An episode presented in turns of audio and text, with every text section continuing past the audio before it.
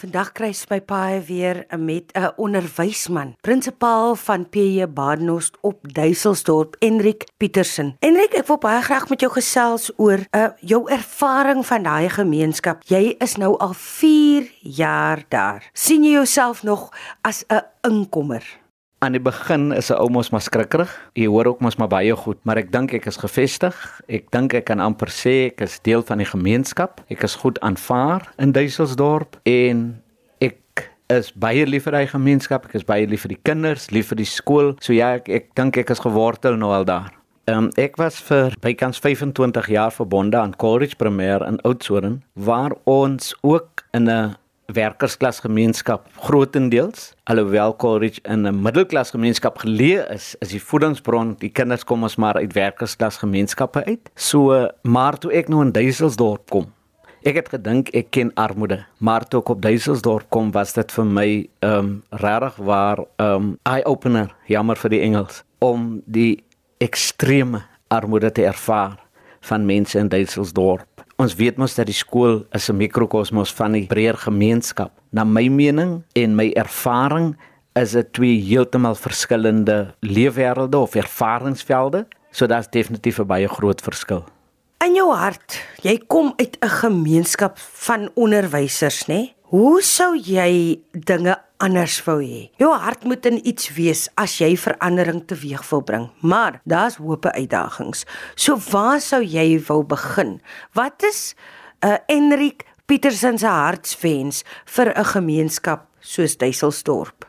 My eerste ehm um, boodskap toe ek in 2018 in Duiselsdorp by P. Barnard aansluit het, was dat ons die skool moet vestig as 'n baken van hoop in 'n soms hopelose gemeenskap. Um ons probeer die skool vestig as 'n waardegedrewe skool waar ons by kinders waardes probeer inskerp. Waar ons ouers so ver kry of probeer so ver kry deur nuusbriewe by ouervergaderings en so meer. Ek ek ek word al spotenderwys in die skoolgemeenskap genoem meneer waardes omdat ek dink as ons daar begin deur daai waardes te skep by kinders, deur vir kinders rolmodelle te wees. Jy weet, kom ek sê vir jou net wanneer ek praat met jou, praat ek uit my hart uit. Ek het 'n passie vir die onderwys en omdat ek 'n passie het, dink ek die groot taak is en dit is wat ek gedurig deur vir my kollegas probeer sê. Ons is bevoordeel uh wie wie in daai gemeenskap werk want ons is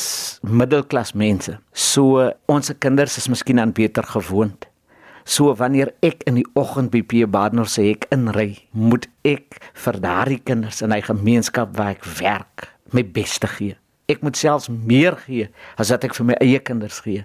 Juis omdat hy kinders uit uit uit huise uitkom waar daar soms nie hoop is nie. En ons probeer by daai kinders vestig en by die gemeenskap vestig dat daar kan iets goed uit Duiseldorp kom. Ons sukkel, dis 'n uitdaging want arme mense het nie hoopie. So dit is die konsekwente boodskap wat ons elke dag probeer uitdra om hoop te skep om vir kinders te laat verstaan daar is 'n wêreld of 'n lewe buite Duitselsdorp en die enigste manier hoe ons dit kan verander is deur onderwys. En daarom wanneer ons daar kom, soggens moet ek in die klas ingaan.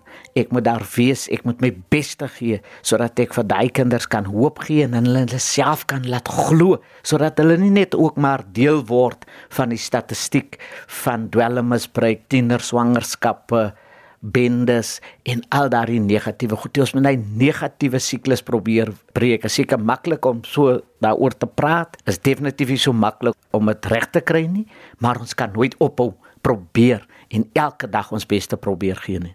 Wat het jy nou geleer oor 'n plek soos Duiselsdorp? Vir die mense wat nou nie weet waar Duiselsdorp is nie, dis so 23 km buitekant Oudtshoorn. Maar wanneer jy daar kom, het jy onmiddellik jou eie idee oor wat daar moet gebeur of wat daar gebeur. Toe jy daar gekom het, wat was eintlik vir jou 'n ligpunt? Wat het jy geleer oor die gemeenskap van Duiselsdorp? Daar's baie positiefs, ehm um, en daar is baie verskriklike negatiewe dinge in die gemeenskap. So wat wat ek glo is ons kan nie elke dag net oorlogpraatjies en en die negatiewe uitwys nie, né? Nee.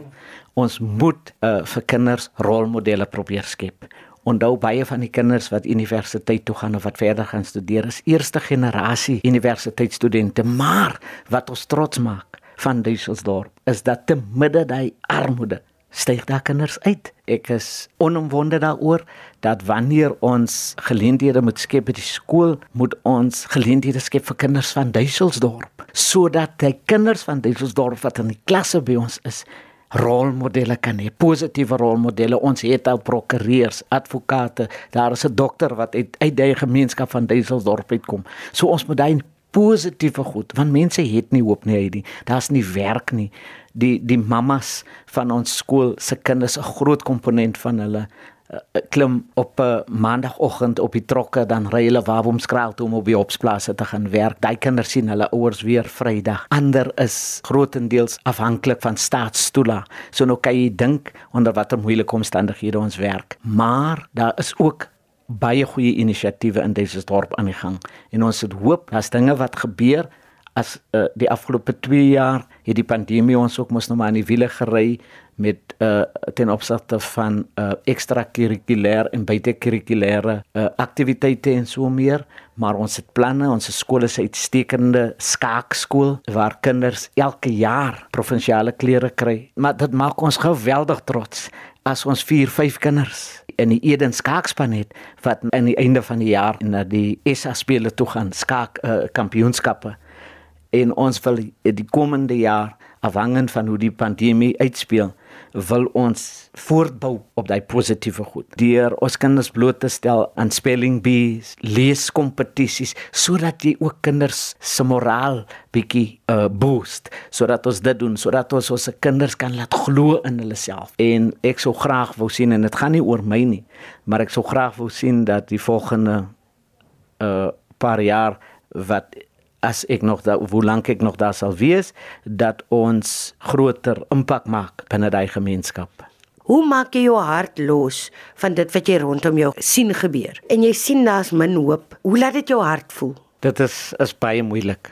Ek glo daarin dat ons ehm um, en dit is hoekom ek vroeër gepraat het van die waardes. Ek glo en as 'n kind by my sou kom en hy uiteindelik by my opeindig deur die proses van die dissiplinêre kode van die skool en so sal ek altyd vir 'n kind vra, wat is dit die regte ding om te doen? Pas dit in by die waardestelsel van ons skool? Ons moet lief bly vir hulle en hulle moet weet dat wanneer ek dan nou vir hom of vir haar aanspreek en hard aanspreek, dan is dit nie vanuit 'n posisie of uit 'n plek van kwaad nie maar eerder omdat ek bietjie teleurgestel is omdat hy of sy dit gedoen het. Maar hoe gaan ons dit regstel? Jy sien ons, hy die ons is verby die era waarin ek en jy ook nog natuurlik skool gegaan het waar ons kinders skel en vloek en in die gemeenskap waar ons is is is dit die vloektaal en goed die negatiewe is dit wat kinders elke dag ervaar.